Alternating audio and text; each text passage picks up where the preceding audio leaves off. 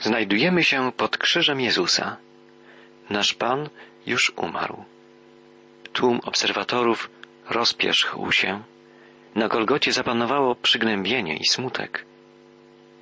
Ewangelista Łukasz odnotowuje, że przyjaciele Jezusa pozostali w pobliżu i przypatrywali się, co dalej stanie się z ich Panem.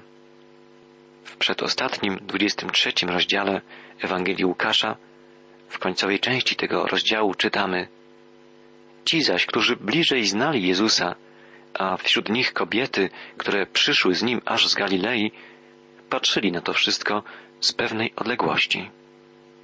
Kobiety towarzyszące Jezusowi w jego wędrówce z Galilei do Jerozolimy były świadkami zdjęcia ciała Jezusa z krzyża i pogrzebania go w nieużywanym do tej pory grobie należącym do Józefa z Arymatei.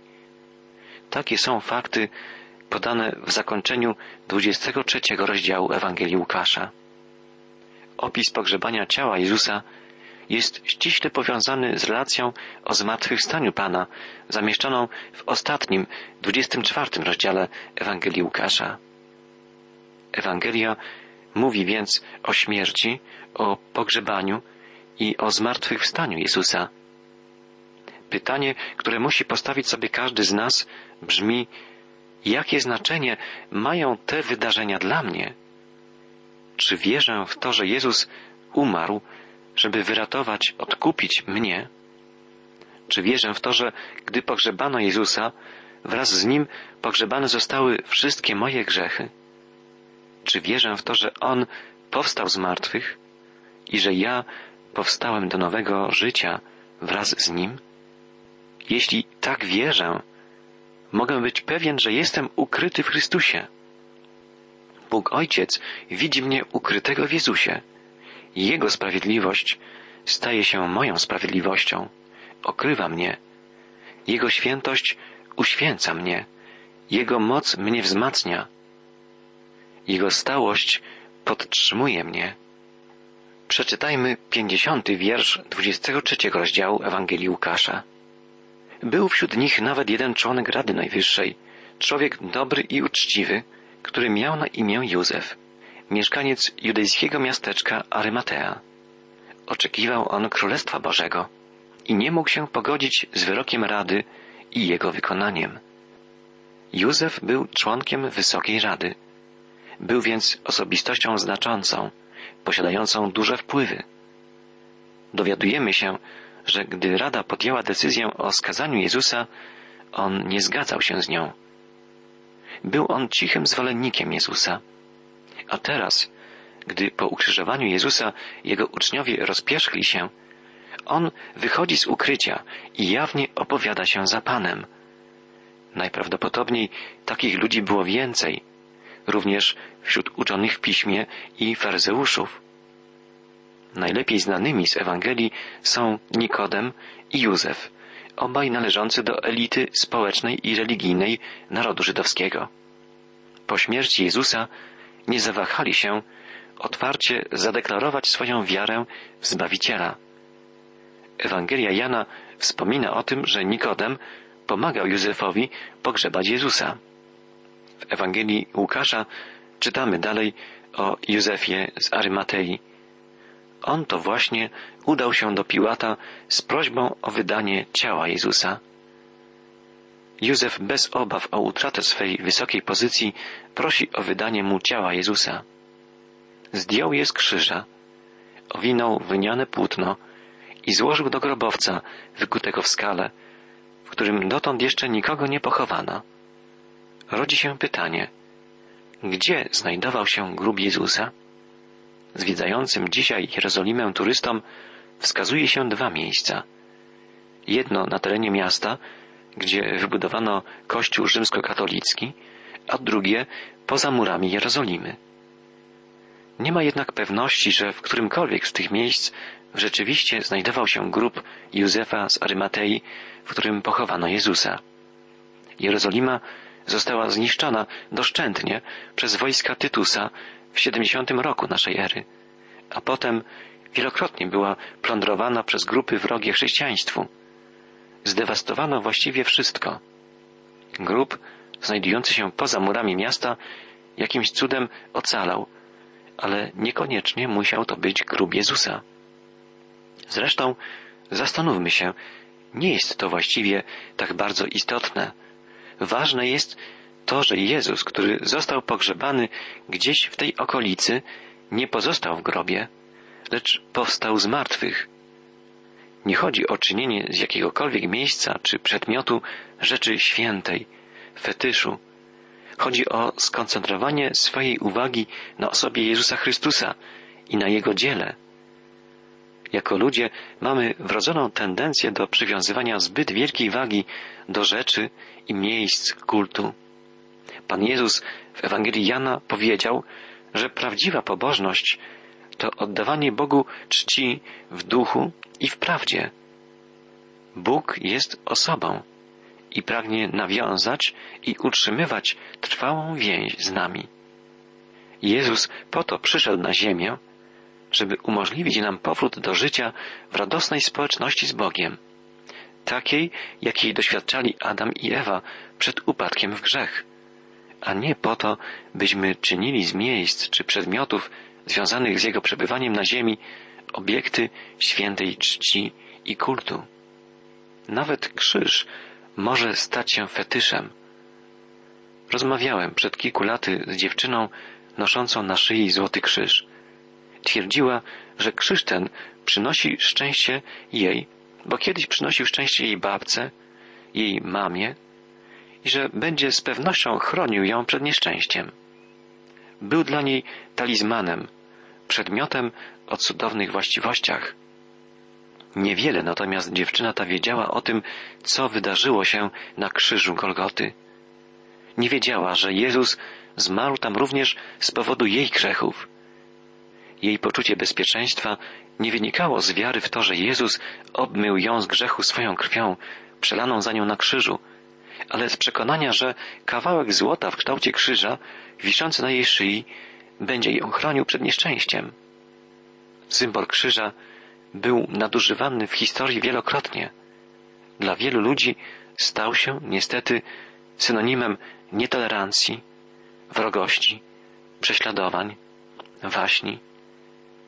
Jeśli we właściwy sposób zrozumiemy i przeżyjemy to, co Jezus uczynił dla nas na krzyżu, nie będziemy koncentrować się na krzyżu jako przedmiocie, ale na osobie Jezusa Chrystusa i na Jego wielkiej miłości do nas, która na krzyż go zaprowadziła. Nie jest istotne, jaki kształt miał krzyż, na którym zawisł Jezus. Istotne jest to, że Chrystus za mnie zmarł, żebym ja mógł żyć i to żyć wiecznie. Nie jest istotne, czy będę nosił krzyż na szyi lub w klapie. Istotne jest to, czy moje serce i moje życie przemienił ten, kto na krzyżu zmarł, by mnie odkupić. Zbawia i zapewnia bezpieczeństwo Jezus, nie krzyż.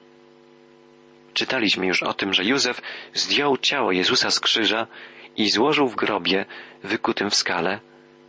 Działo się to w piątek, wkrótce przed nastaniem sabatu, czytamy. Oznacza to, że zapalono już światła rozpoczynające w piątkowy wieczór po zachodzie słońca sabat. W orszaku pogrzebowym szły także kobiety, które przyszły z Galilei razem z Jezusem. Widziały one, jak ciało ułożono w grobowcu.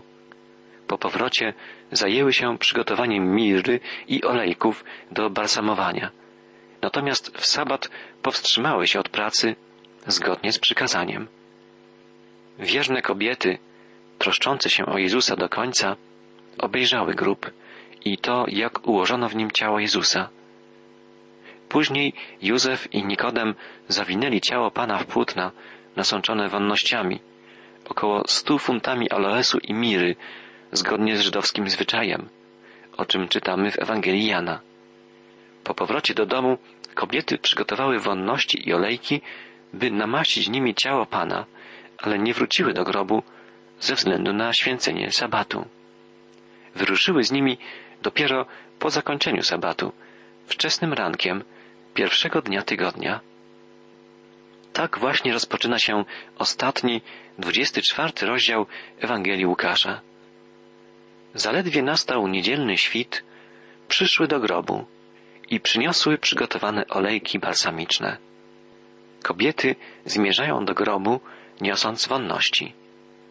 Pamiętamy, że w Betanii Maria namaściła nogi Jezusa drogocennymi wonnościami, za co skarcono ją, uważając, że było to niepotrzebne i że zmarnowany został przez to cały flakon kosztownego płynu. Wkrótce okaże się, że tak naprawdę niepotrzebne będą wonności przygotowane teraz przez kobiety. Nie znalazły już ciała Jezusa w grobie. Wonności stały się bezużyteczne i prawdopodobnie podekscytowane kobiety zostawiły je przy pustym grobie, gdy pobiegły powiadomić uczniów o tym, co się wydarzyło. Przeczytajmy drugi wiersz ostatniego rozdziału Ewangelii Łukasza. Wtedy właśnie spostrzegły, że kamień jest już odsunięty od grobu. Potężny głaz zasłaniał wejście do grobu. Wiemy z relacji innych ewangelistów, że kobiety, idąc do grobu, martwiły się, czy poradzą sobie z tak wielkim ciężarem. Kamień jednak został już odsunięty. Został odsunięty przez anioła, nie dlatego, żeby Jezus mógł wyjść z grobu, ale po to, by mogły tam wejść kobiety, a potem uczniowie. Weszły więc do wnętrza, ale nie znalazły ciała Pana Jezusa. Stały bezradne, a tu nagle pojawili się dwaj ludzie w jaśniejących szatach. Przerażone kobiety pochyliły głowy, a oni rzekli, Dlaczego szukacie żywego wśród zmarłych? Tu go nie ma, wstał z grobu. Przypomnijcie sobie, co wam powiedział jeszcze w Galilei, że Syn Człowieczy musi być zdradziecko wydany w ręce złych ludzi, zawisnąć na krzyżu, a trzeciego dnia powstać. Wtedy przypomniały sobie Jego słowa. Pytanie anioła, dlaczego szukacie żyjącego wśród umarłych, było właściwym pytaniem. Jezus zapowiadał niejednokrotnie, że powstanie z martwych trzeciego dnia. Kobiety zamierzały jednak balsamować jego ciało, a uczniowie, powiadomieni przez nie, że grób jest pusty, pobiegli z niedowierzaniem, żeby to sprawdzić. Świadczy to o tym, że nikt nie wierzył w to, że Jezus powstanie z martwych. Uczniowie do końca powątpiewali i nie mogli pojąć tego, że Jezus żyje i że przebywa wśród żyjących, a nie wśród zmarłych. Wielu czytelników Biblii zauważa, że w relacjach czterech ewangelistów jest sporo rozbieżności w opisie wydarzeń, które miały miejsce o poranku pierwszego dnia tygodnia na trzeci dzień po ukrzyżowaniu Jezusa. Uważne przestudiowanie relacji Mateusza, Marka, Łukasza i Jana prowadzi jednak do stwierdzenia, że nie ma w tych opisach sprzeczności. Każdy z ewangelistów koncentruje się na trochę innych okolicznościach towarzyszących zmartwychwstaniu Jezusa. Łukasz relacjonuje przybycie kobiet do grobu i przytacza słowa, które one zapamiętały. Pamiętamy, że Łukasz jest tym ewangelistą, który w największym stopniu oparł swoje relacje o opowiadania kobiet towarzyszących Jezusowi w czasie jego ziemskiej pielgrzymki. Zdarza się, że czasem słyszymy relację o czymś, co się wydarzyło i właściwie wiemy, że jest to prawdą, ale nie do końca wierzymy, że coś takiego się wydarzyło i nie myślimy o konsekwencjach i wnioskach, jakie wynikają z faktu, że to rzeczywiście miało miejsce. Wielu ludzi w taki właśnie sposób traktuje relacje o zmartwychwstaniu Jezusa. Podkreślmy więc, że wszyscy czterej ewangeliści zgodnie stwierdzają, że Jezus kilkakrotnie zapowiadał swoje zmartwychwstanie w trzy dni po ukrzyżowaniu. Uczniowie Jezusa słyszeli te słowa, ale najwidoczniej nie rozumieli ich i nie uwierzyli w nie. Czytamy dalej o kobietach. Wróciły więc od grobu i opowiedziały to wszystko jedenastu uczniom oraz wszystkim innym.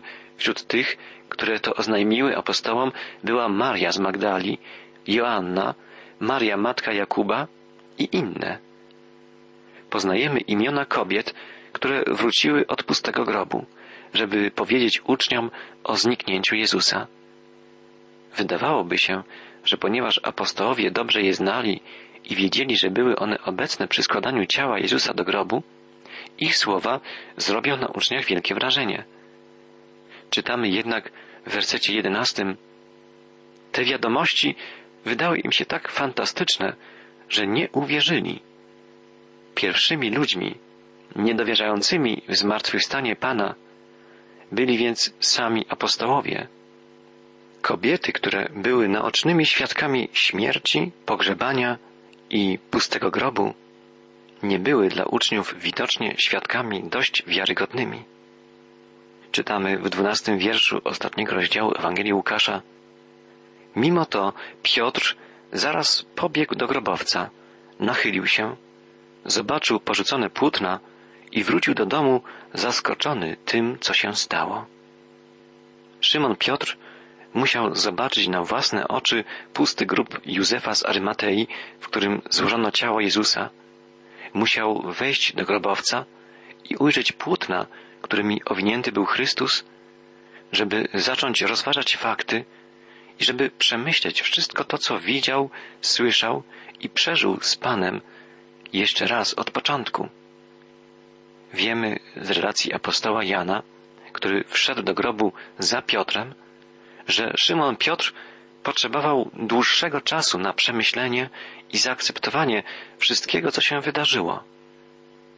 Jan, jak świadczy sam w spisanej przez siebie Ewangelii, uwierzył, gdy wszedł do pustego grobu i zobaczył miejsce, w którym spoczywało ciało Jezusa do momentu zmartwychwstania. Jan uwierzył. Piotr uwierzył później.